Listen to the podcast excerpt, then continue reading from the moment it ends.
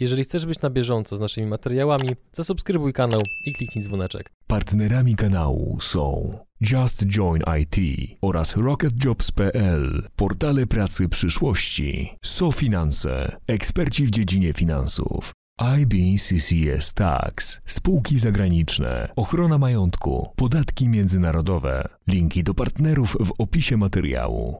Dzień dobry drodzy widzowie, Adrian Gorzycki, Przygody Przedsiębiorców. Dzisiaj ponownie naszym gościem jest... Karol Chęciński.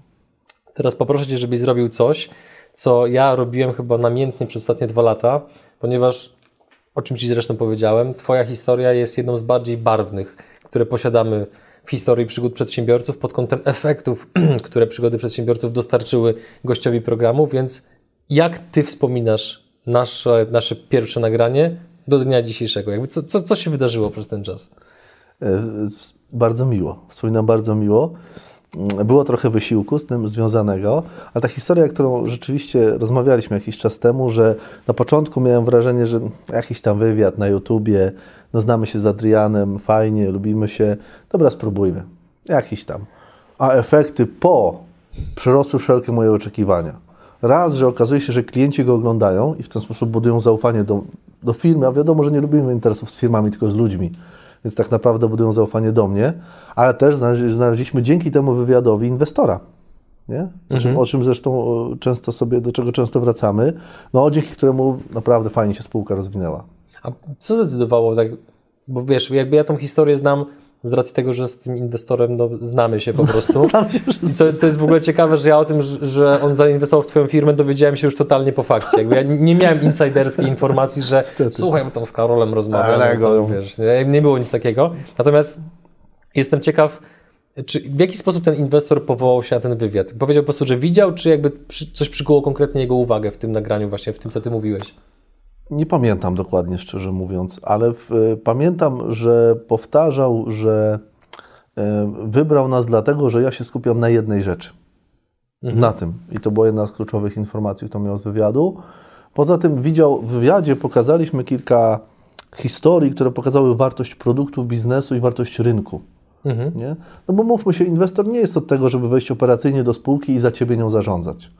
Inwestor patrzy przez pryzmat tego, jak duży jest rynek, jaki jest potencjał tej spółki na to, żeby ten rynek zagospodarowała. Prawda? Tak patrzy, tak patrzy inwestor. Bardzo fajnie jest, jak wniesie, e, wniesie jakiś niszowy czy, czy obszarowy know-how albo otworzy ileś drzwi. To jest bardzo pozytywne. Ale generalnie inwestor nie będzie operacyjnie zarządzał. Natomiast no, to, co wszędzie, w każdej książce e, przeczytamy, kupuje się człowieka, a nie firmę. Prawda? Mhm. A powiedz mi, mm, w jaki sposób Wasza firma zmieniła się od tego momentu, jak inwestor wszedł do spółki? Dlaczego pytam? Bo o tym też, drodzy widzowie, będzie głównie ten dzisiejszy odcinek. Mm, Tak jak już Ci mówiłem przed nagraniem, jest bardzo dużo historii w internecie, które można znaleźć, opisujących, jak rozmawiać z inwestorami, bądź jakie są plusy, jakie są minusy. Tylko no mam takie wrażenie, że jest pewnego rodzaju deficyt historii, które mówią osoby, które faktycznie tą drogę z tym inwestorem nie tylko przebyły, ale wciąż z nim idą ramię w ramię. No i z tego, co ty mi powiedziałeś, no to wiem i też od inwestora, że od momentu, jak rozpoczęliście współpracę, no to wasza sytuacja biznesowa dość mocno się zmieniła, bardzo mocno przyspieszyliście. Więc właśnie tak z perspektywy osoby, która ma faktycznie inwestora na pokładzie, co się zmieniło w waszej firmie? Dużo się zmieniło, to dużo było opowiadać. No, to jest oczy, rzecz- o, o, takich rzeczy oczywistych, że powstały nowe etaty. Tak? Pozyskaliśmy, ilość klientów wzrosła bardzo mocno, których pozyskujemy i których e, obsługujemy. Mogliśmy lepszą platformę chmurową kupić, po prostu, wiesz, bo to jest najpierw musisz zainwestować, a potem możesz te koszty pokryć. Uzupełnij jeszcze proszę w dwóch zdaniach, na czym polega w ogóle Wasz produkt dla widzów, którzy nie widzieli odcinka z Tobą, no bo to był odcinek numer 12 chyba w sumie, jak dobrze pamiętam, czyli dość dawno. Optimes to jest narzędzie, drodzy widzowie, do planowania, e, rozliczania i optymalizacji procesów produkcyjnych. To nie jest system klasy ERP, to nie jest system księgowy, tylko system do optymalizacji procesów. Też w nim obsługujemy magazyn, małe centra logistyczne. Generalnie skupiamy się na dużych fabrykach, na przedsiębiorstwach, e, w których e, możemy zwiększyć 25-15% e, główne wskaźniki efektywności, czy zmniejszyć koszt dostarczenia produktu na rynek o 25 do 50% i skrócić o tyle samo czas dostarczenia tego produktu. To Po to to jest. Oczywiście jest to produkt informatyczny. Nie? No właśnie, i wracając do głównego wątku, co się, co się zmieniło? e, to oprócz tego takiego rozwoju wynikającego czysto z finansów, ja się bardzo dużo nauczyłem. Mhm. Taki przykład e, bardzo ciekawy. Zainwestowaliśmy sporo w marketing. Mhm. Mówiąc tak otwarcie i prawdę, po prostu nie byłoby spółki stać na taką inwestycję w marketing, bo to jest znowu moment, w który musisz włożyć i pozycjonowanie działa za chwilę i ono działa super, ale po roku. Jak, jaki jest rząd wielkości kasy, możesz powiedzieć? No, kilkadziesiąt tysięcy złotych. Mhm. Nie? I yy, teraz, teraz w tym, w, już w zeszłym roku zaczęliśmy, a w tym roku mamy priorytet, bo w Polsce już to fajnie działamy, już mamy sieć dystrybucji, pozyskaliśmy prawie 30 partnerów, którzy dystrybuują i wdrażają nasz produkt.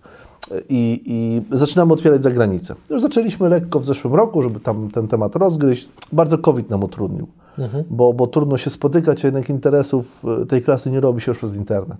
Nie robi się przez spotkania wideo. To trzeba się spotkać, jechać na wizytę referencyjną do fabryki, poczuć ten produkt. Mhm. Nie?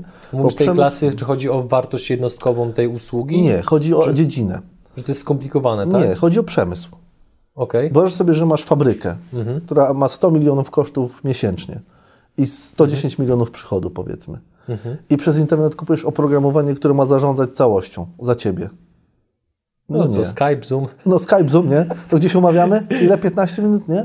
No nie. No nie, musisz tu pojechać, zobaczyć w jednej fabryce, że działa, w drugiej, że działa, wziąć na testy, jak będzie chodzić przez kwartał, dwa, tak chcę to. Nie? To jest mhm. tej klasy kluczowy system. Dlatego też możemy takie efekty dostarczyć. Mhm.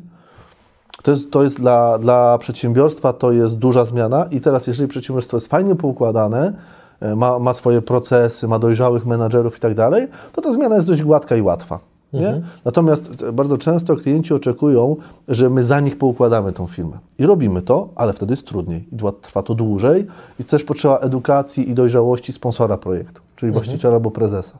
I takiego dużego feedbacku na bieżąco że okej, okay, słuchajcie, dane pokazują, że robicie to, no, że można by to robić lepiej, zdecydowanie. Tak, na przykład o kilka milionów w skali roku lepiej można by to robić, nie? Mhm. I nie zawsze nas słuchają.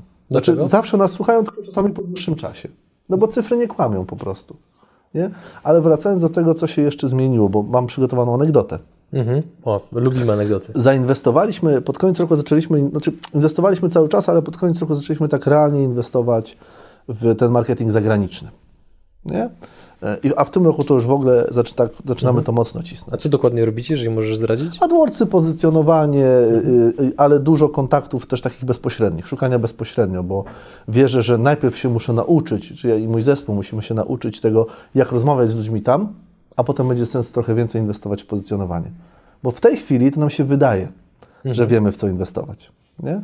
Więc generalnie chcemy, chcieliśmy iść w ten bogaty rynek i taki bezpieczny politycznie, e, ekonomicznie, mm, czyli dach. Niemcy, Austria, tam e, e, Czechy, mhm. Wielka Brytania i trochę w USA, ale do USA, żeby się tam pojawić ze względu na, na to, żebyśmy tą drugą czy trzecią rundę finansowania mieli już z inwestorem globalnym. Nie? Więc inwestujemy tam, a gdzie mamy najbardziej aktywnego dystrybutora, który się pojawił sam i w ogóle on nas ciśnie? W jakimś innym kraju pewnie. Na Ukrainie. To zaskoczenie. Wojna. I tam mamy najbardziej aktywne, gdzie w ogóle na ten terynek nie chcieliśmy wchodzić. Mhm. Strona była przetłumaczona na rosyjski, ale to tak... Żeby było. Żeby było, nie? A mhm. tam może coś wpadnie. I przed bardzo aktywny dystrybutor. Ma swoje call center, szkolimy go, jeździ, robi wdrożenia, nie? A to jest ciekawe, jak on w ogóle na, na Was trafił, jeżeli tam się nie eksponowaliście? Znalazł nas. Historia jest taka, że współpracował z jakąś firmą z Poznania i to się jakoś tam źle skończyło. Polacy się jakoś brzydko zachowali, przynajmniej mhm. on tak twierdzi. Mhm. No więc szukał kolejnej firmy z Polski z produktem, który mógłby sprzedawać. Nie? I czy jego kontakt z Wami spowodował jakieś istotne zmiany w Waszym planowaniu takiej ekspansji zagranicznej, czy nie. dalej robicie swoje, a to nie, jest tak dalej robimy swoje dalej robimy swoje. Mamy strategię na ten rok. Rok w skali y, tego biznesu to jest bardzo krótko. Mhm. Mamy strategię, jedziemy swoje, zobaczymy, co ten rok pokaże. Ewentualnie będziemy to zmieniać. Nie, mhm. nie musimy zmieniać strategii, bo, bo ten dystrybutor jest na tyle aktywny i na tyle rzetelny, że możemy go uczynić country managerem, żeby on pozyskiwał dalej dystrybutorów. Nie? Mhm.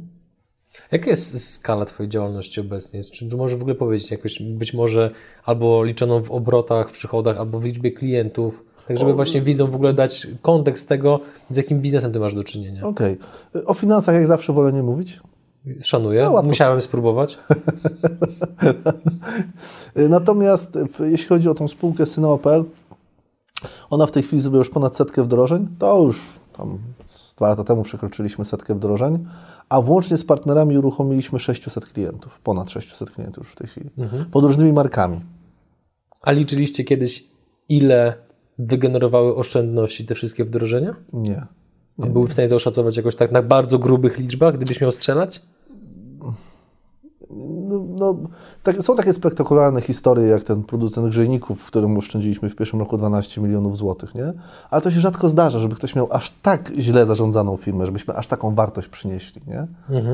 Ale takie, takie, takie rzędy typu 10 tysięcy godzin produkcyjnych uwolnionych w skali roku, kilka tysięcy godzin, czy kilkaset tysięcy złotych oszczędności, to spokojnie dowozimy. To spokojnie dowozimy. Nie? Też pytanie, w którym segmencie, bo mm, dużo mamy, ten, ten program partnerski jest młody. On ma około dwóch lat, ten, ten program naszych dystrybutorów. I t- ci dystrybutorzy w pierwszym roku głównie sprzedają do małych firm, bo też muszą się nauczyć. Nie? No i tam siłą rzeczy są mniejsze efekty. Oczywiście. Nie? Więc, więc, a my też przestawiamy się w tej chwili bardziej na wspieranie partnerów niż na samodzielne wdrożenia, czyli dzielenie się z nimi know-how. Nie? A czy ja o Twoją skalę zapytałem nie po to, żebyś, mówiąc młodzieżow, po młodzieżowemu, się bragował, że jest no, tak super i w ogóle, że futro, najlepiej fioletowe, limuzyna i tak dalej, tylko bardziej po to, żeby dopytać, w jaki sposób układa się strategię firmy o takim profilu działalności, bo wy działacie w sumie de facto w sektorze przemysłowym, do tego robicie ekspansję zagraniczną, więc wiesz, jestem ciekaw, jak w- wyglądało to jedno albo szereg spotkań, gdzie siadacie z zespołem, zakładam, że inwestor prawdopodobnie też jest to częściowo chociaż zaangażowany i układacie plan i na jakiej podstawie stwierdzacie, że ten plan jest lepszy od na przykład planu B albo planu C. Tym pytaniem mnie zaskoczyłeś. Em,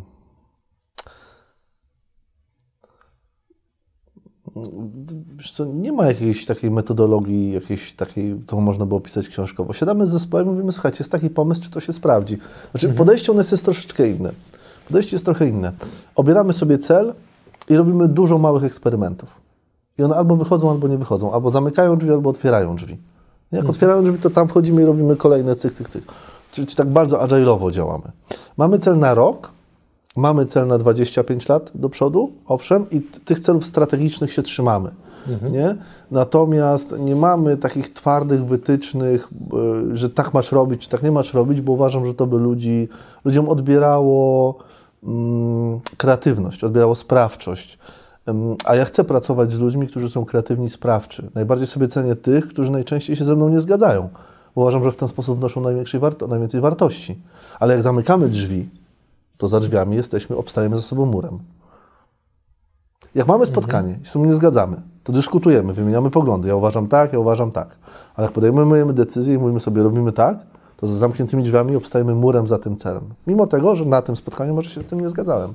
Ale podjęliśmy taką decyzję z zespołem. To pozostając w takim chwilowo wątku HR-owym, jak w takim razie rekrutuje się ludzi kreatywnych, mających wolę, żeby się nie zgodzić ze swoim przełożonym, bądź, jeżeli na to nie ma powiedzmy odpowiedniego sposobu, jak się takich ludzi kształtuje w ramach organizacji? Dwa wątki. Jak się, najpierw odpowiem na ten drugi. Mam wrażenie, że to nie, ma, nie jest tak, że nie ma ludzi, którzy nie są się w stanie zgodzić ze swoim przełożonym. Posłuchaj, ilu w Twoim otoczeniu narzeka na, zało- na przełożonego za Twoimi plecami. Mhm. Oni nie mają przestrzeni, żeby się nie zgodzić. Więc ja bardzo często, zanim coś powiem, zanim coś, y, przynajmniej się staram, bo czasami powiem szybciej niż myślę, nie? Ale y, zadaję pytanie, co ty myślisz? Słuchaj, jest taki problem, jakbyś go rozwiązał? I czekam na odpowiedź. Najtrudniejsze jest to czekanie, bo ty już masz odpowiedź w głowie i byś chciał, żeby ten chłop powiedział to, co ty myślisz, bo ty myślisz najlepiej, nie? No nie. No nie, ja bardzo często jestem zaskoczony tym, że oni rzeczywiście mają dobre pomysły. Mamy takiego handlowca, ma na imię Robert, pozdrawiam Robert, i czasami jest sytuacja, w której podejmuje jakąś strategiczną decyzję i mimo tego, że Robert nie ma mojej wiedzy, nie ma mojego kontekstu, nie ma moich ciśnień, on ma inne, jakby swoje, ma swój obszar, to ja mówię, Robert, słuchaj, ty masz nieco większy PESEL ode mnie. Chciałbym skorzystać z twojej dojrzałości. Stoję przed taką decyzją. Fakty są takie, takie, takie. Co myślisz? Nie? I to nie jest tak, że, że on mi da decyzję, ale da mi swój kontekst. da mi swoje patrzenie, a mam go sprawdzonego, że jest taki bardzo wyważony, taki jest dojrzały życiowo i dzięki temu mogę skorzystać po prostu z tej dojrzałości. Nie? Jak się ich rekrutuje? Krew, pot i łzy. Pięcioetapowy proces rekrutacji, lepiej nie zatrudniać w ogóle, jeżeli masz zatrudniać kogoś, kto nie będzie do Ciebie pasował. E, Przychodzi, o, wrzucamy ogłoszenia, przychodzą CV-ki, jeżeli jest skoczek, czyli zmieniał pracę częściej niż raz na rok, nie rozmawiamy. Jeżeli, jeżeli, jeżeli te, to był raczej lojalny wobec swoich pracodawców, to rozmawiamy. Pierwsze zadanie praktyczne, jeżeli to jest na konsultanta, przygotuj demo w Optimesie i prezentację dla klienta. Żeby to zrobić, człowiek potrzebuje 4-6 godzin pracy. Musi się zapoznać z produktem, e, naprawdę musi przysiąść, bo żeby zrobić to zadanie, które my dajemy, to jest skomplikowane zadanie. Nie? Jak je zrobi, to przychodzi rozmowa. Pierwsza rozmowa jest ze mną, taka nieco techniczna. Druga rozmowa to jest prezentacja przed zespołem, tego co przygotował, tak? I ta druga rozmowa jest z dwóch powodów. Żeby oni zobaczyli, czy on jest mocny merytorycznie, bo ja w tej chwili no jestem już za słaby produktowo, żeby ocenić go tak naprawdę porządnie merytorycznie, mogę go z wierzchu ocenić. Nie? Dwa, czy chcą z nim pracować. Czy zespół chce z nim pracować. Bo zatrudniając nową osobę, możesz więcej popsuć w zespole niż, niż dołożyć mocy przerobowych. Zdarzyło Ci się taką decyzję podjąć? Tak, tak. Ostatnio dwie rekrutacje, ostatnie złe decyzje podjąłem. Mogę o tym powiedzieć. Na programistę podobnie. Jest praktyczne zadanie. Tam jest zadanie, które polega na tym, że masz integrację kilku sklepów internetowych do systemu produkcyjnego. Ten system ma optymalizować proces, łączyć partie, ale ten klient chciał na ten termin, a tamten na tamten termin, a ten to w ogóle tu i ten, ten, ten. Jakbyś to rozwiązał? I to są zadania, w których nie ma dobrego rozwiązania. Nie ma. Każde jest tak samo dobre, jak i złe. Nie? A pytanie, jak argumentujesz, dlaczego, jak rozumujesz. I znowu, czy ci chłopacy chcą z nim pracować? Nie? Na przykład, czy on będzie w stanie pracować za minus ma 16? Czyli, bo, bo, bo z jednej strony mamy takie zasady, że możesz pracować y, do programistów, kiedy chcesz. No bo pracuj wtedy, kiedy jesteś najbardziej efektywny. To jest, to jest praca umysłowa, tak? To zawsze ćwiczymy. Ale z drugiej strony utarło się, że chłopacy są 8-16. No, ktoś tam jest 7.30, ktoś tam jest od 9, ale mniej więcej w tych godzinach. Nie? I pytanie, czy będzie im pasował ktoś, kto będzie pracował w innych godzinach. I to są decyzje, których ja nie podejmuję, które im zostawiam. Celowo. Nie? Narzucam, czy, czy, czy, sta, czy proszę ich, no i rozliczam ich też z efektów, które osiągamy. Jako zespoły, jako firma mamy KPI, mamy ten, ten, nie? Natomiast nie narzucam im doboru tych ludzi. I na przykład dwie ostatnie rekrutacje, poszło w to kupę pieniędzy i kupę czasu i zatrudniliśmy nikogo. Przez, ostatnie, przez ostatni kwartał. A bardzo potrzebujemy mocy przerobowych. I zatrudniliśmy nikogo. Ile Was to kosztowało złotówkowo, możesz powiedzieć? Kilkanaście tysięcy. Okej. No bo ogłoszenia, to jakby doliczył czas, to pewnie więcej. Dzięki, że jesteś z nami i oglądasz nasze filmy. Chcielibyśmy przekazać Ci krótką informację. Przygody przedsiębiorców to nie tylko wywiady. Na co dzień zajmujemy się przede wszystkim generowaniem leadów dla biznesu za pomocą YouTube i wideo marketingu. Jeżeli chcesz sprawdzić, jak moglibyśmy pomóc Twojej firmie pozyskiwać więcej klientów, skontaktuj się z nami wysyłając maila na adres kontakt małpa przygodyprzedsiębiorców.pl. A to chyba nie jest taka oczywista decyzja, że wpompowało się już jakąś kasę w proces rekrutacji i nagle podejmujesz, że jednak nikogo nie rekrutujesz. No bo bardzo często jest tak, że jak ludzie już poświęcą pewną energię czy pieniądze na jakiś proces, to starają się uzyskać jakikolwiek efekt, nawet jeżeli on jest kiepski. Reguła konsekwencji. Mhm, dokładnie. Zatrudniłem konsultanta, który był bardzo doświadczony i głównie to doświadczenie mnie do niego e, przekonało. Mm, e, e, Chociaż szef konsultantów, Michał, pozdrawiam Michał, był temu przeciwny. Taki był, no dał mi się przekonać, ale był taki, że no nie bardzo tego człowieka chciał. Coś mu nie grało. I po dwóch tygodniach okazało się, że miał rację, była z tego kupa problemów. Nie? Z drugim konsultantem... Albo po- czekaj, czekaj, czekaj. Jak się zorientowaliście, że, że nie wiem, no bo kupa problemów to jest, wiesz, bardzo pojemne określenie. Gdybyś mógł jakąś namiastkę dać, Okej, co było tą czerwoną lampką, Okej. że jednak nie? Zlecamy zadania. Mamy system, w którym zarządzamy projektami. No, zlecamy zadania. E, No i to zadanie ten człowiek podejmuje. Prosimy o zaprojektowanie mm, dashboardów menedżerskich. Czyli tak, przychodzi chłop z dużym doświadczeniem i prosimy, żeby do produktu poznał produkt, no bo przeszedł proces rekrutacji, więc produkt zna. Prosimy, żeby doprojektował wykresy, tabele, takie menedżerskie, czyli takie, które w tej konkretnej branży, chyba była akurat branża meblowa, chcieliśmy zrobić odświeżenie tych, tych e, dashboardów menedżerskich, żeby zaprojektował nowe. No to jak ktoś jest z branży, ileś lat siedzi na tych produkcjach, to wie mniej więcej, czego prezesi potrzebują. Plus dajemy mu bazę zaprzyjaźnionych klientów, z którymi zawsze rozmawiamy, jak coś nowego projektujemy. Słuchajcie, jak wy to robicie, co potrzebujecie, żeby to było rzeczywiste, a nie z głowy jednego Projektowanie człowieka. jakby z udziałem klienta. Tak, no a jak inaczej? No, inaczej nie ma sensu. No, z, z, większość firm chyba jednak ufa bardziej swojej intuicji, kontynuuje. No, no, może to też jest dobre. Nie? Jasne. Może to, ja, no, ja, ja się przekonałem, że moja jest słaba. I, yy, I po jakichś dwóch dniach to jest zadanie na no, może dniówkę pracy, może pół dniówki, tak żeby coś pogrzebać i potem przyjść, bo powiedzieć, słuchaj, mam taki pomysł, co robimy dalej. Nie? My tak pracujemy dość mocno tak w sprzężeniu zwrotnym. E, I po dwóch dniach słyszę tylko, że to jest głupi pomysł. I to się tak nie robi. Już się trochę znamy, więc wyobrażam sobie, jaka była Twoja mimika, chociażby ta wewnętrzna, kiedy usłyszałeś właśnie taką opinię. Ja mówię, y, to jakbyśmy to zrobili? No i tutaj problem był taki, że tam bardziej były emocje niż, niż fakty, niż jakaś merytoryczna rozmowa. Nie dało się przejść na rozmowę merytoryczną. Mhm. To kolejne pytanie, pozostając jeszcze w wątku HR-owym.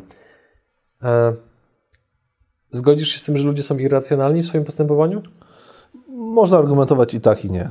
Okej, dobra. Jakby Ja uważam, że ludzie są mocno irracjonalni, przynajmniej w większości przypadków. I teraz, czy zdarzyła Wam się sytuacja, że podczas rekrutacji, podczas etapu, kiedy rekrutowana osoba ma wystąpić przed Twoim zespołem, okazuje się tak dobra, że u części osób w zespole budzi się pewnego rodzaju lęk, że jest lepsza od nich.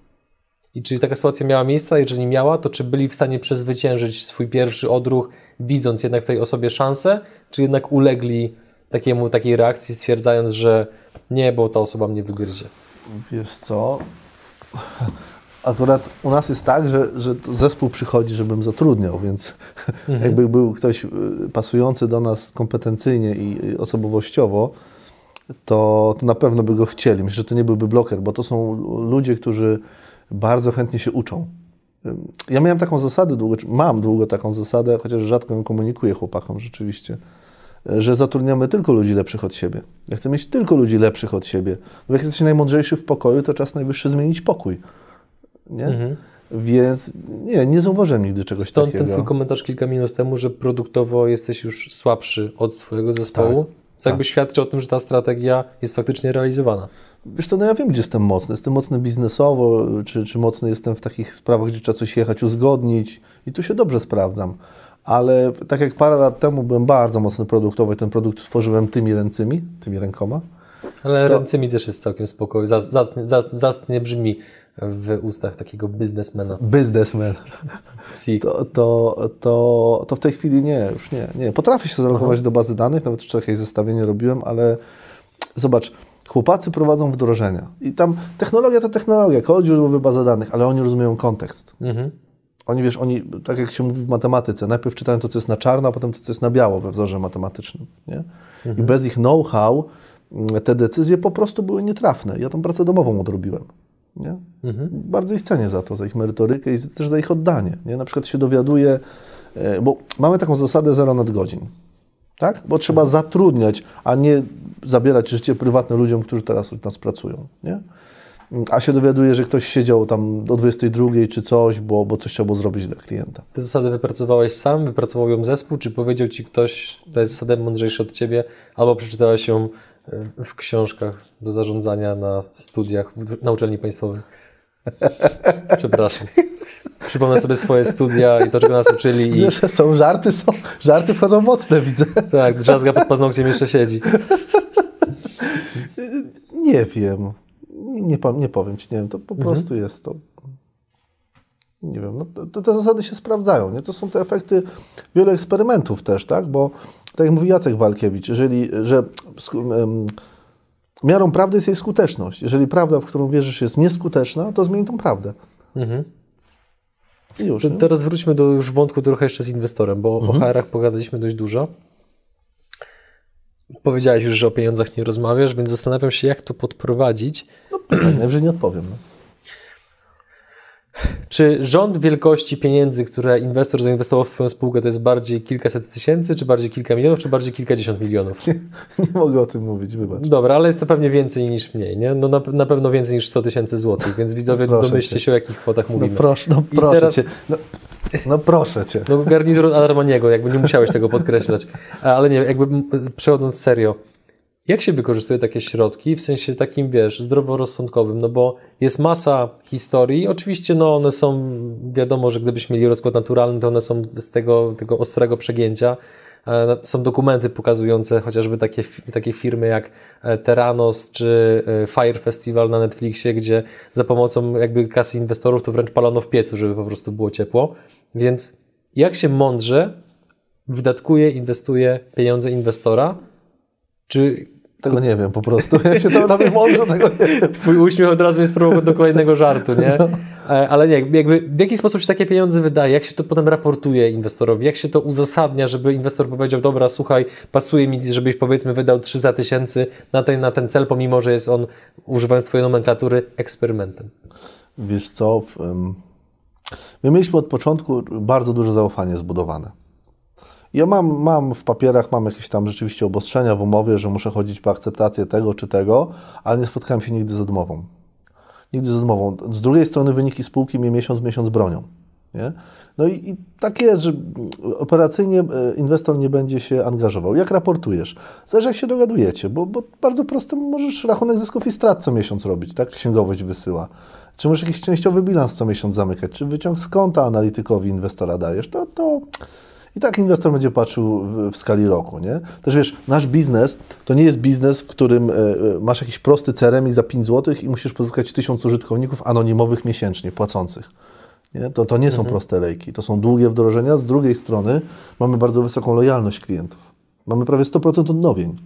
Czyli aplikacji jest prawie zerowy. Tak. mhm. Zawsze nie wiem, czy to od tej strony, czy od tej, ale tak. tak. Ścieralność klienta. Ścieralność. Tak, że, no, tak, że klient mówi, no, że arrivederci. Wiesz co, w, jeżeli w, w, pierwszych trzech miesiącach tego nie powie, to praktycznie jak to, tą Dolinę Śmierci przejdzie, to praktycznie a, rok mija, drugi rok mija, ci klienci przedłużają abonamenty. Nie? Mhm. I to jest to, co chcę zbudować, bo dzięki temu, że ci klienci przedłużają abonamenty, te abonamenty roczne, tak, i mamy ich wielu, to jesteśmy bezpiecznym pracodawcą i bezpiecznym dostawcą. Mhm. A to jest bardzo ważne w przemyśle, żeby być bezpiecznym dostawcą. Nie? Teraz na przykład, teraz stoję przed decyzją, czy podjąć wdrożenie na 178 dniówek. 178 dniówek, to jest, no to jest już fajne, to jest tam wdrożenie za prawie pół miliona, nie? To już mhm. tak, to już, mhm. to już nie jest wdrożenie za 10 tysięcy, nie? Natomiast, mm, czy my chcemy się tak zaangażować w jednego klienta? Nie? Mhm. Nie taką mamy strategię.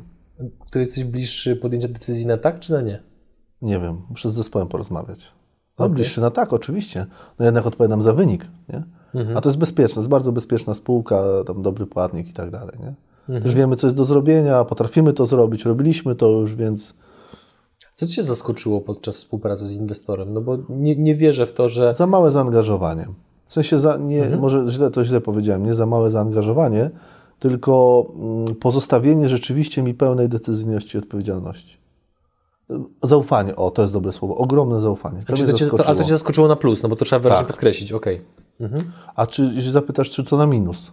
Jakby, czy, czy, było coś, czego się bałeś? No bo jednak wszedłeś, inwestor spowodował, że tak z prędkości powiedzmy 50 na godzinę wskoczyliście pewnie tak na 180 albo 220. 300, 300. No właśnie, na zakrętach pewnie około 180. Na ręcznym. Do, dokładnie, lecimy bokiem. No i więc nie wierzę w to, że nie było, nie było jakichś takich, wiesz, myśli czy wewnętrznych demonów, które troszeczkę podkopywały wiarę, taką twoją pewność siebie. To, to zawsze są, takiego. zawsze są, szczególnie na początku, no bo to się jednak, wiesz, zawsze jak masz nowych ludzi, to musisz się z nimi jakoś tam, mhm. wiesz, tak poukładać, Dotrzeć. nie? Dotrzeć, ale akurat ci są naprawdę, no, no czy ten, e, pozdrawiam, bo nie wiem, czy życzy sobie, żebym go wymienił, pewnie nie. M. E, M, pozdrawiam M. Jak w Bondzie. E, jak w Bondzie. To, to e, bardzo w porządku. Bardzo w porządku. Ja kiedyś przyszedłem, bo ja mam wysoką wewnętrzną motywację, mam bardzo wysoką. Nie, nie mhm. trzeba naprawdę motywować. Zwykle jest tak, że jak jest coś do zrobienia, to ja ten cel realizuję na 120% dla własnej ambicji, po prostu. Nie? A i tak 100 to było bardzo ambitnie. I przyszedłem do M, i mówię, słuchaj, no, no nie dowiozłem, no, no, no przepraszam cię, nie dowiozłem. I liczyłem na to, że tam będzie bura. Bura, nie? Wiesz, co on powiedział? Jak mogę Ci pomóc? No to do wioseł, chodź, zróbmy coś razem. I mnie to tak, to były proste słowa, wiesz. Ja mu to kilka razy opowiadałem, mnie to tak zbudowało wtedy, Mhm. że mówię, dobra, dam radę, jedziemy, nie? I daliśmy radę. To nie był realny problem, to był problem w mojej głowie. Więc wiesz, takie negatywy, demony zawsze się zdarzają, jak to nowi ludzie, jednak wiesz, mają uzyskali pewną władzę w spółce, prezesa można wymienić, tak, nie? Wiesz, nie ma, w ogóle nie ma takich, w ogóle nie ma takiego myślenia. Jest tak naprawdę myślenie długofalowe, e, relacje na zaufaniu, na, na takim wewnętrzne obawy są zawsze, ale tutaj wszystkie dowody pokazują, że jest wyjątkowo. Bo różne historie się słyszy. Tak, nie? bardzo różne. E, Wyjątkowo w porządku.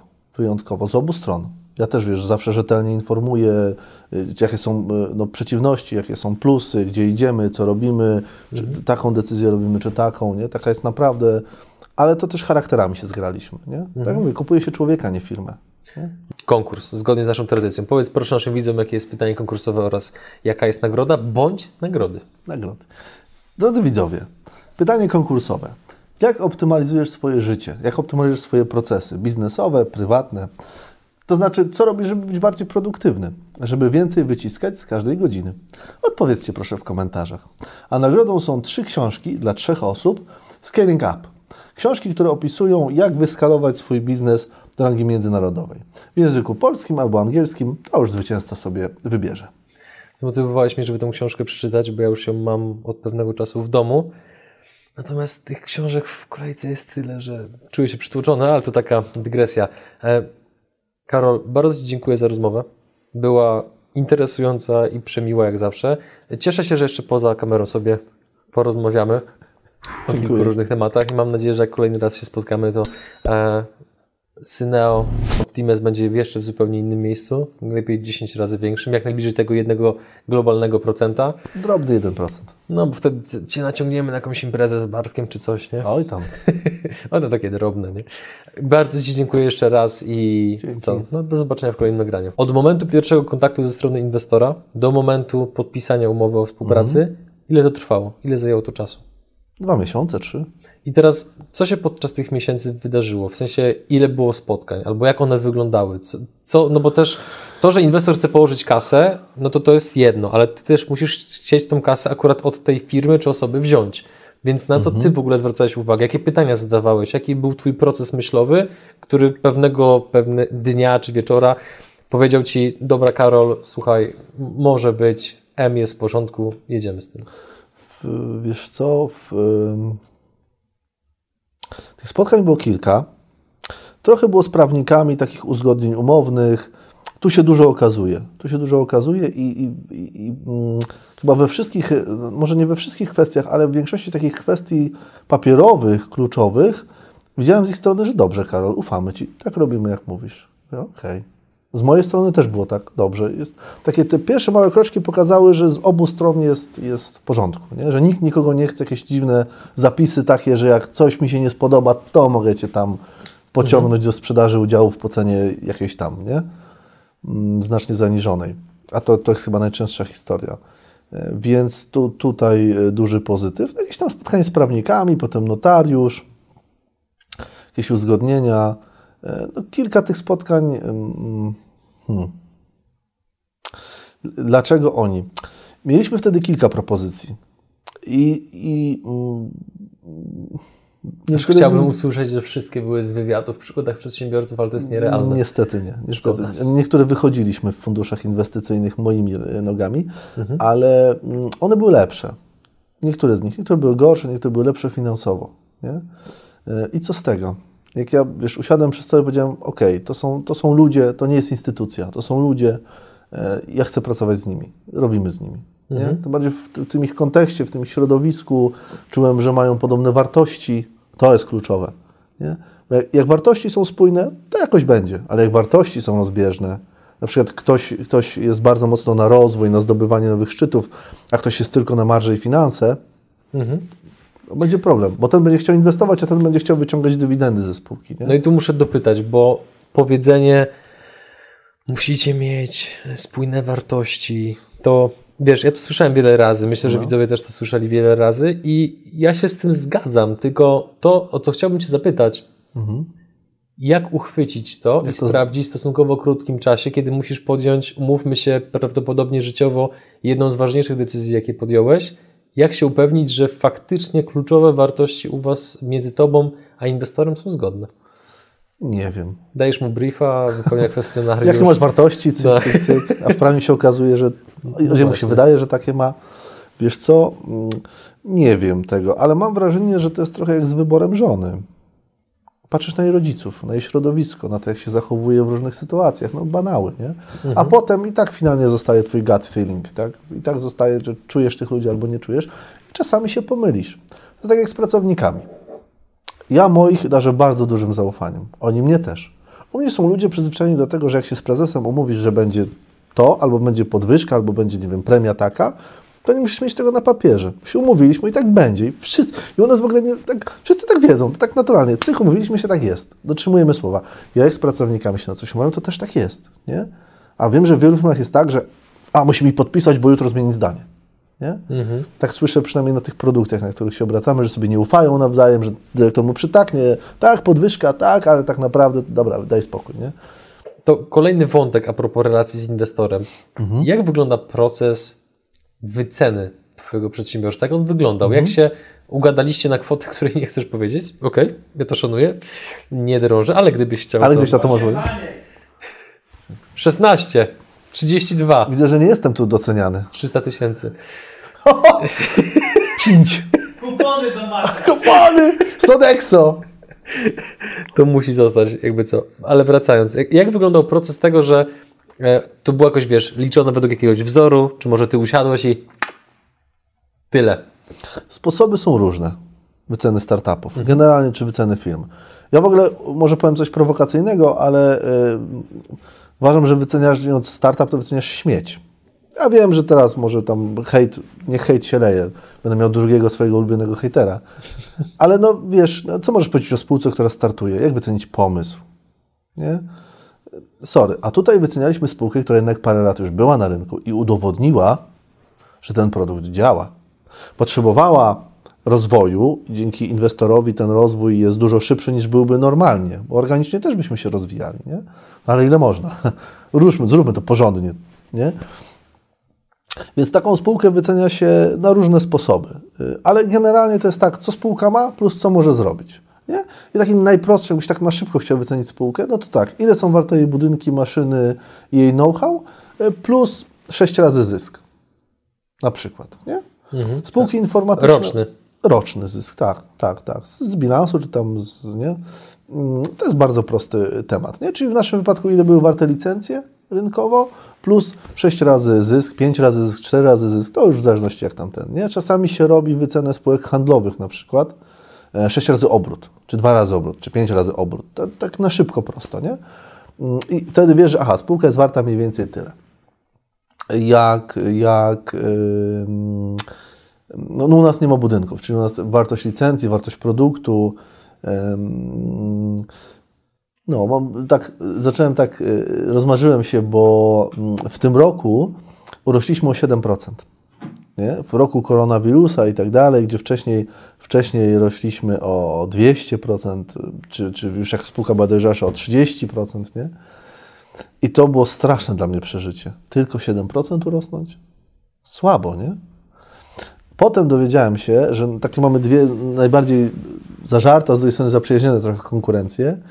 No i dowiedziałem się, że jedni zmniejszyli zatrudnienie o 20%. To jest dużo. Nie? I spółka jest, e, z bilans, widziałem bilans, tak, znaczy, no jest pod wodą, nie? A drugi kolega powiedział, że to był najgorszy rok w historii. Oni też dostali inwestora. Czyli zobacz, w jakim on jest stresie. Nie? Dostał inwestora, wpompował kupę kasy, a klienci powiedzieli, to może za rok. To Bo jest, optyka się zmieniła momentalnie. bo jest koronawirus, tak. I teraz, teraz widzę, że to był wielki sukces. Nie? A co spowodowało taki wzrost? No bo oczywiście odpowiemy zespół, determinacja, realizacja strategii, okej, konkret. Co spowodowało, że byliście w stanie się obronić w roku, który podejrzewam był jednym z najgorszych, jak nie najgorszy dla wielu firm, nie tylko w Polsce, ale i na świecie? Wiesz co, ale właśnie to, co powiedziałeś. Całość, nie? Spokojna, e, wytężona, miarowa praca. Mhm. Taka, wiesz, codziennie robimy po swojemu, jedziemy naszym duchem, temu się nie podoba, z tym się nie zgadza, ten chce rozwiązać inaczej. Okej, to nie jest nasz klient. My optymalizujemy w ten sposób. I tak cyk. No i rynek pokazał, że to się sprawdza w dobie koronawirusa. Nie? Poza tym mamy ileś odnowień. I teraz zobacz, co się dzieje. Produkty, które są czysto użytkowe, tylko użytkowe, na przykład CRM-y. Mówisz sobie, no mam fajnego CRM-a, korzystam z niego, ale w skali organizacji dla tych iluś moich handlowców czy pracowników on kosztuje tyle, czy oni by nie mogli się przesiąść na Excela, którego też płacę? Więc może ten koszt możemy wyciąć. Nie? Z naszym produktem to się nie stało. Rozumiesz, ci, ci klienci nadal go przedłużać, bo, on, bo ten produkt jest skrojony tak, czy cały nasz biznes jest skrojony tak, że jak rynek rośnie, to firmy potrzebują naszego produktu, żeby z ograniczonymi zasobami, no bo jak rynek rośnie, to wszyscy rosną, więc walczą o pracowników. Czyli ograniczonymi zasobami, żeby zrobić więcej, bo mają więcej zamówień. Potrzebują się optymalizować. A jak rynek spada, to potrzebują się optymalizować, żeby robić taniej. Bo znowu im zasoby ograniczają. Nie? W tym roku był taki, był taki przykład y, w Białym Stoku. Klient zmniejszył zatrudnienie ym, o 40 osób. Proces technologiczny zmieniał, tam, tam był bardzo mądry człowiek. To nie była zasługa systemu, tylko tego człowieka. System był dla niego narzędziem. Zmieniał 56 razy proces. Co tydzień wprowadzał zmianę. Takie podejście jak Toyota, eksperyment. Co tydzień eksperyment. Cyk, obserwujemy efekty, cyk, cyk. I finalnie, i oni produkują maszyny rolnicze do Australii. Nie? Więc tam nie dość, że masz produkcję, to jeszcze masz, to ileś płynie do tej Australii. Więc nie? To jest taki wydłużony łańcuch. I przed, przed y, podjęciem tego człowieka z, z narzędziem Optimes, oni wypuszczali jedną maszynę, około jedną maszynę dziennie wypuszczali, nie? Z tej produkcji. Tam, tam spawacze, gięcie i tak dalej. Y, Zmniejszyli zatrudnienie o 40 osób, bo koronawirus, bo, bo tam też inne rzeczy się u nich zadziały. Wprowadzili Optimesa tym samym momencie i tego mądrego człowieka i zwiększyli do dwóch maszyn dziennie produkcję. To dla nich to musiał być jakiś kosmos, jak zobaczyli efekt. kosmos. Nie? Ale to pokazuje, że można. To z drugiej strony pokazuje coś innego. Ile było ukrytych mocy w tej firmie. Mhm. No przecież tam nie siedział nikt głupi w zarządzie. Przecież oni wyciskali tą produkcję jak mogli, nie? Ale nie zauważysz pewnych rzeczy, dopóki nie masz narzędzi. No tak jak, tak jak wbijanie gwoździa. Możesz wbijać pięścią, nie? Ale trochę lepiej jest młotkiem. Albo piętą. No tak. A z Twoich takich doświadczeń i obserwacji, gdzie najczęściej są takie właśnie ukryte, takie moce przerobowe w zakładach, których nawet mądry zarząd nie widzi na pierwszy rzut oka? w procesie. Przykład ten, tej filmy z Białego Stoku. Przestawienie prasy krawędziowej, tak, bo ten materiał jakoś przepływa przez produkcję, nie? Przestawienie prasy krawędziowej o jedną, o, z, z drugą maszyną, e, zamienienie miejscami, koszt 3000 zł. Dużo, niedużo. No bo tam, wiesz, posadzkę musisz zrobić, to musi dźwig przyjechać, przenieść, to nie jest tak, że sobie chłopaki przesuną, nie? E, Ten koszt, i to był jeden z kluczowych, jedna z kluczowych zmian, która mega uwolniła moce produkcyjne. Mega. Taka prosta zmiana. Bo tu materiał przestał czekać, tu można było nagle ułożyć inaczej, tam spawaczy można było trochę poprzestawiać dzięki temu, że ta robota tu nie stała. Taka prosta zmiana, ale nie zauważysz jej, dopóki nie zaczniesz robić eksperymentów, dopóki nie masz narzędzia, które ci pokaże, słuchaj, tu masz ciągle wąskie gardło. Zrób coś z tym. Czyli Optimus pokazuje, gdzie są wąskie gardła w całym procesie. Tak, tak, to jest podstawowa rzecz. Pokazuje, gdzie są i gdzie będą. Mhm. Bo zaplanował jakąś produkcję, on ci krzyczy, słuchaj, ale z tym to prawdopodobnie nie zdążysz, bo fajnie, że z wyliczeń wynika, że zdążysz, ale y, tam, tam też jest machine learning, dzięki któremu się uczymy, że ale zwykle nie zdążałeś, bo coś. Nie? Mhm. W jakich sytuacjach Optimus zawodzi? Masz takie sytuacje? No bo jest, powiedziałeś, że jesteście organizacją, która działa w stylu agile'owym, robicie dużo eksperymentów, cały czas się uczycie. No to czy masz takie sytuacje, że, że właśnie Optimus wszystko wdrożyliście tak jak, tak, tak jak powiedzmy powinno to być zrobione, z jakichś powodów nie zadziałało? Czy są takie sytuacje? Jeżeli tak, to dlaczego? Nie było tak, żebyśmy coś wdrożyli, jak klient po wdrożeniu powiedział, e nie, to tak nie, to tak się nigdy nie zdarzyło. Natomiast zdarzyło się tak, że wdrożyliśmy dużo, a klient korzysta z części. Najczęściej dlatego, że wdrażamy procesy, a oni nadal chcą ręcznie tym wszystkim sterować. Przyzwyczajenia? Przyzwyczajenia, czyli korzystają z naszego magazynu, korzystają z naszych podpowiedzi. Y, y, Przykład. Przed wdrożeniem y, prezes jednej z okolicznych firm mówi do mnie, Karol, czy Panie Karolu, mówi, no my tu mamy taki problem, że Ja zlecam coś na produkcję, czy klient coś przychodzi. No i brygadzista mówi temu człowiekowi przy maszynie CNC, że ma robić to. Za 15 minut przylatuje kierownik, czyli szef tego brygadzisty, mówi: Zdejmuj to, będziesz robił to, bo zadzwonił jakiś inny pilny klient. A za godzinę przychodzę ja i mówię: Weź to zdejmij, bo teraz mój klient zadzwonił i teraz będziesz robił to. Ja bym chciał ten problem rozwiązać. To ja mówię: No, no idealna sytuacja dla nas. Bardzo łatwo pokazać korzyści, tych, cyk, cyk, wzrost, tak, że system się bardzo szybko sfinansuje w pierwszym roku z tych korzyści, które będą mieli. Zrobiliśmy wdrożenie. I co? I słabo, bo jest plan produkcji. Fajnie zoptymalizowany, fajnie ułożony, widać, gdzie mamy wąskie gardła, gdzie mamy puste przebiegi, jak połączyć partie produktowe, co na kiedy, dla kogo, ale oni nadal robią to samo. Wezwali mnie do firmy, bo mówią, słuchaj, ale to nie działa. Jak nie działa? Patrzę, plan jest. Panele meldunkowe działają. Z magazynu naszego korzystają. No tak, ale my to robimy inaczej. To tak jakbyś poszedł do stylisty i on ci mówi, tak się ubierz, będziesz fajnie wyglądał, albo do dietetyka, nie? To, o czym rozmawialiśmy, nie? Mówisz, A tak, tak, tak, fajnie, fajnie, no to ja będę robił po staremu. I wiesz, i wtedy jest, nadal jest fajnie, bo mamy tam wizytę referencyjną, wiesz, korzystają z naszego magazynu, korzystają z tego, z tamtego. No ale co mam zrobić? No nie zrobię więcej, nie? nie zmuszę ich do tego, żeby używali narzędzia.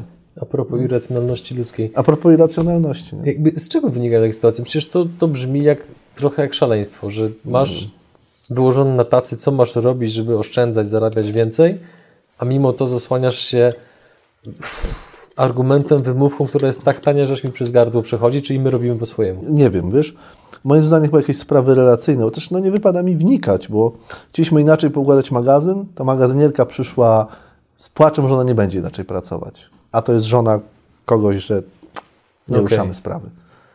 Czyli taka już trochę sumie polityka wręcz Takie wewnątrz. już za, gry i zabawy. Nie wiem, nie wnikam, nie interesuje mnie to. My robotę zrobi, zrobiliśmy, referencje są, jest ok. Pracujemy z tym klientem, przedłuża z nami współpracę. No to takie, no to są takie sprawy ludzkie. Nie?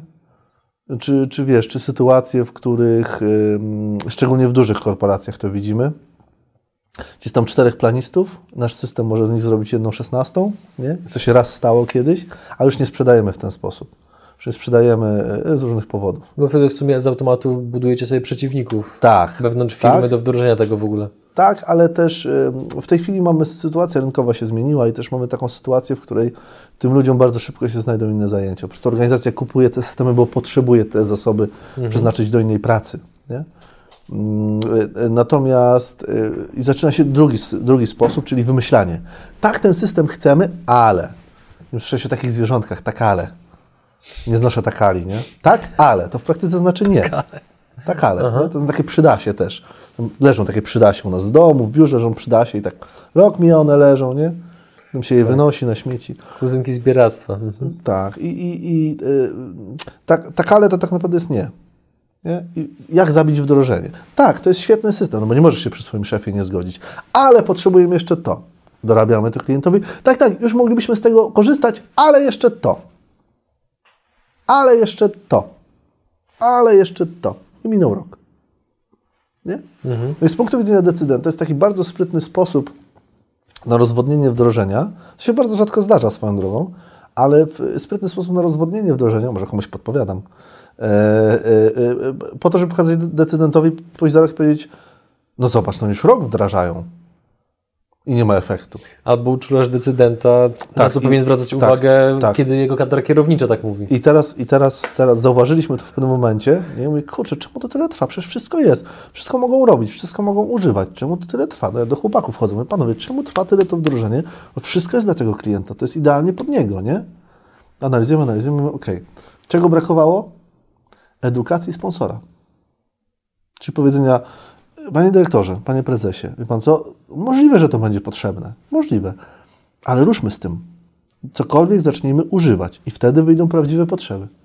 I potem się okazuje, że nagle nikt nie został zwolniony, narzędzie się super przydaje, tak, wszystkie te obawy zostały wyczyszczone. I obawy pracowników, i nasze takie, że no przecież spokojnie mogą używać narzędzia. Nie? To bardziej Was zespoły firm, do których wchodzicie, postrzegają jako anioła czy jako kostuchę? Zależy. Jak, jest, jak są dojrza, dojrzali emocjonalnie menadżerowie, nie? czy dojrzali biznesowo, to nas postrzegają jako anioła, jako narzędzie, które im w końcu rozwiąże masę problemów i kupę roboty zrobi za nich. Nie będą musieli siedzieć 12 godzin w pracy. Nie? Ale im niżej w hierarchii wchodzimy, tym bardziej jesteśmy konkurencją. Albo przynajmniej wydajemy się być konkurencją, co nie jest prawdą. Ale wydajemy się być konkurencją, na przykład zobacz, system automatycznie dystrybuuje pracę do pracowników produkcyjnych i egzekwuje od nich wykonanie tej pracy w tempo, w terminie. Nie? W czasie, w jakości i tak dalej. Mierzy to, sprawdza, podłączamy go do maszyn, wiemy bardzo dużo rzeczy. I teraz tak, kierownik czuje się zagrożony, bo przestaje być potrzebny. Pracownik czuje się zagrożony, bo go mierzą. Nie? I obydwa te zagrożenia są niepotrzebne i nieprawdziwe, bo kierownikowi w końcu uwalniamy ręce i on ma jakości pilnować, towaru, ludzi i tak dalej, a nie latać z kartkami. Tak? Operacyjnie. Bo jest, tak, bo to jest bardzo częsty scenariusz, w którym ktoś dostaje robotę, pracownik, kierownik czy brygadzista rozdaje rano kartki z robot. Nie? Więc do ostatniego dojdzie o 7.30, tak? o 7.00 zaczynają pracę, o 7.30 do niego dojdzie. I codziennie tracisz pół godziny. W skali zakładu? Skupa pieniędzy. Mhm. W skali roku, w skali zakładu, w skali 100 ludzi, kupa kasy. Nie? Dwa, ten pracownik ma obawy, bo będzie mierzony. Tak? E, no nie. Ta, owszem, tak, ta praca będzie mierzona, ale on tak, będzie miał wszystkie rysunki pod ręką. Nie będzie musiał latać w się szarpać z nimi, że znowu ci nieroztropni mu dali nie to, co potrzebował. Surowce będzie miał pod ręką, a nie, że musi się latać, czerpać z magazynierem albo znowu czegoś nie ma, a on już maszynę przezbroił. I tak dalej, i tak dalej. Nie? Do tego oczywiście potrzeba dojrzałego zarządu. I to jest też praca domowa, którą odrobiliśmy przez ostatnie lata. Edukujemy bardzo mocno zarząd czy, czy, czy kierowników, że, żeby dobrze to wdrożenie komunikowali do wewnątrz. Bo jeżeli będą komunikować jako narzędzie ucisku, to to się takim narzędziem stanie. I wtedy no, wszystkie siły mhm. będą działały przeciwko uciskowi. A jeżeli będą komunikować jako narzędzie, które pomaga wszystkim dookoła, porządkuje i taką mitrężną, administracyjną robotę robi za ciebie, plus ostrzega cię o, ry o ryzykach, bo rozumie twoje przedsiębiorstwa, a nie jakieś tam, tak? Bo się ciebie nauczy z czasem. Jeżeli tak to podadzą w środku, to te wdrożenia idą super. Wszyscy chcą, nie? Mega. Plus, tak wiesz, bo to mówimy o takich ekstremalnych scenariuszach, ale tak naprawdę my masę świetnych pomysłów mamy od tych ludzi. Jak usprawnić produkt, jak usprawnić wdrożenie. Naprawdę tych najniżej. Kierowników, brygadzistów. Na pierwszej linii. Na pierwszej linii, bo kto się zna na robocie? No oni się znają na robocie. Którzy realnie wykonują. Tak, bardzo, bardzo sobie ich cenimy. Bardzo mhm. dużo, bardzo dobrej, takiej naprawdę mięsistej, tłustej wiedzy od nich mamy, którą implementujemy w produkcie. Nie? Wydaje mi się, że to, co bardzo jest cenne akurat w tym wątku, który teraz poruszamy, to jest takie podkreślenie przez Ciebie i wprost, i między wierszami, jak istotne jest, niezależnie od skali firmy, którą prowadzisz, zwłaszcza jeżeli to jest powiedzmy firma mniejsza niż większa, żeby być blisko tego faktycznego używania produktu, żebyś zobaczył, gdzie są wąskie gardła, gdzie są punkty zapalne, które nie działają. Bo wydaje mi się, że takim chyba problemem niektórych przedsiębiorców jest to, że za szybko w swojej głowie próbują postawić linię mety, że produkt już jest taki gotowy na picobello i teraz tylko sprzedaż i marketing. A z tego, co Ty mówisz, no to jednak wynika, że taka styczność i obserwowanie klienta, jak on tego produktu czy usługi, jak z niej realnie korzysta, powoduje, że można dostrzec wiele takich właśnie różnych elementów, które potem wyprostowane mogą zaoszczędzić bardzo wielu problemów firmie, która taką, taki produkt oferuje. Tak, tak, z, z, pewnością. Natomiast też to wynika z dwóch rzeczy. My wyrośliśmy z software house'u, czyli na, może ja nadal, bo ekipa to się zmieniła, ale może nadal ja mam e, mentalność tworzenia dedykowanego oprogramowania. To jest mhm. raz. A dwa to jest nasza przewaga konkurencyjna. Bo zobacz, na rynku jest masa gotowców od wszystkich dużych korporacji, mniejszych i większych, tworzących oprogramowanie. Masa do, programów do zarządzania produkcją. I w Excelu możesz sobie zrobić zarządzanie produkcją. I obydwie te, te, obydwa te nasze zaprzyjaźnione konkurencje, o których mówimy, właśnie dostarczają gotowca. Mhm. Czyli zobacz, oni dostarczają gotowca, y, y, który jest taki i ma tyle, i to się nie udało w dobie koronawirusa. My dostarczamy narzędzie, które możesz wdrożyć sam, plus no, pewne koszty musisz ponieść, żebyśmy my je wdrożyli. I to się super sprawdziło, bo każda fabryka jest inna. Tam, gdzie możesz zrobić gotowca, to jest księgowość, kadry płace, to jest, nie wiem, e, no takie rzeczy, tak? takie uregulowane prawnie. Mhm. Ale procesowe, Daję Ci gwarancję, że każda fabryka produkująca te same meble zrobi to inaczej. To będą dwa różne wdrożenia. Każda fabryka produkująca te same stemple do matryc, oni wszyscy, im się wiesz, yy, tak, tak, my robimy tak samo jak oni. Wchodzisz na wdrożenie, no nie, bo tu inaczej, tu inaczej, to nie. I, I, oni potrzebują tego, żebyśmy dostosowali do nich produkt. Na szczęście od początku myślimy procesowo. Z nas to jest, to jest, też łatwe, żeby, co, żeby po prostu zaszyć proces w systemie. Mhm. Dwa pytania, nim dojdziemy do końca naszego wywiadu. Pierwsze. Na początku naszej rozmowy powiedziałeś, że jak wkładacie strategię, to Mhm. między innymi macie ułożony jakiś cel, plan na 25 lat do przodu.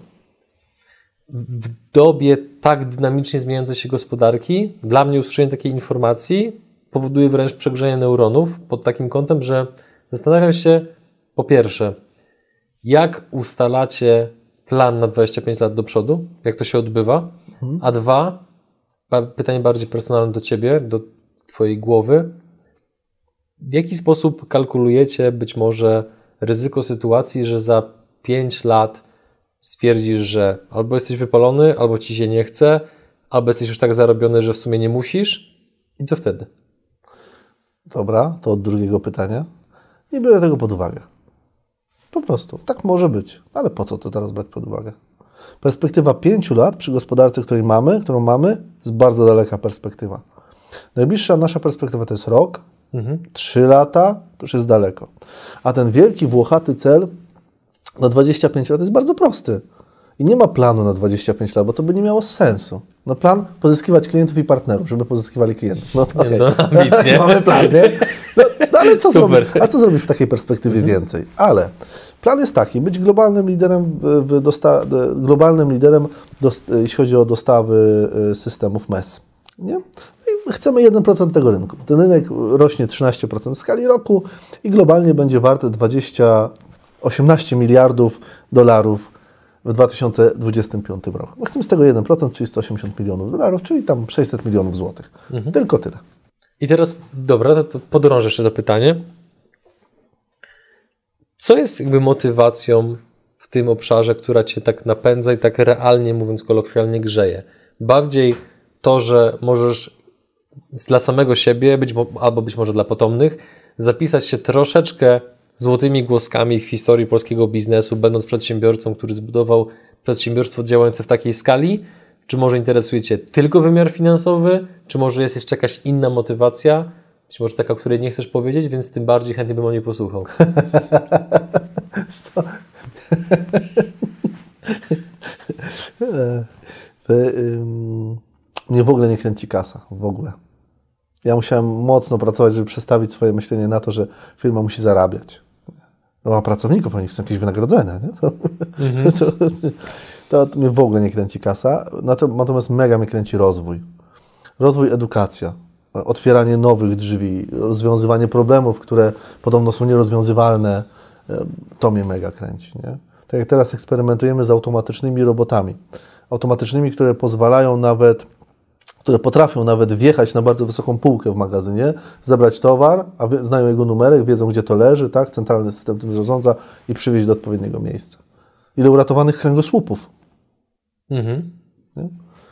Bardzo lubię, to, to mnie kręci, to jest moja motywacja. Nie? No i nigdy nie budowałem dystrybucji zagranicznej.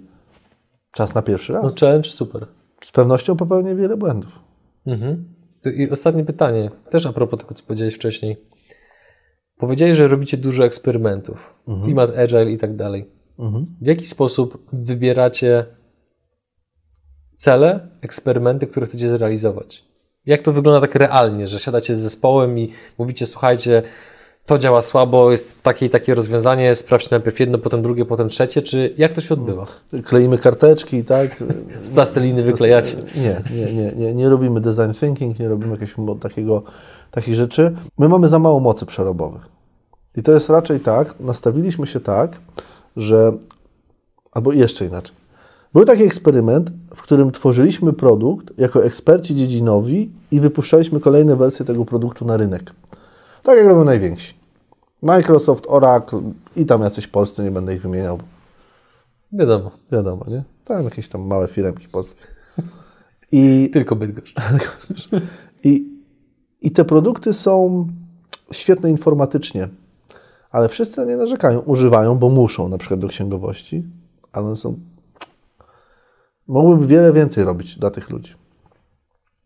I to jest strategia, która była, strategia produktowa, która była, no, no zarabialiśmy, ten produkt się sprzedawał, nie? No, klienci byli zadowoleni, ale ona była taka, 30% tego produktu było przez klientów nieużywanych, czyli 30% pieniędzy wyrzucałem w błoto. Nie? Więc ustawiliśmy się inaczej.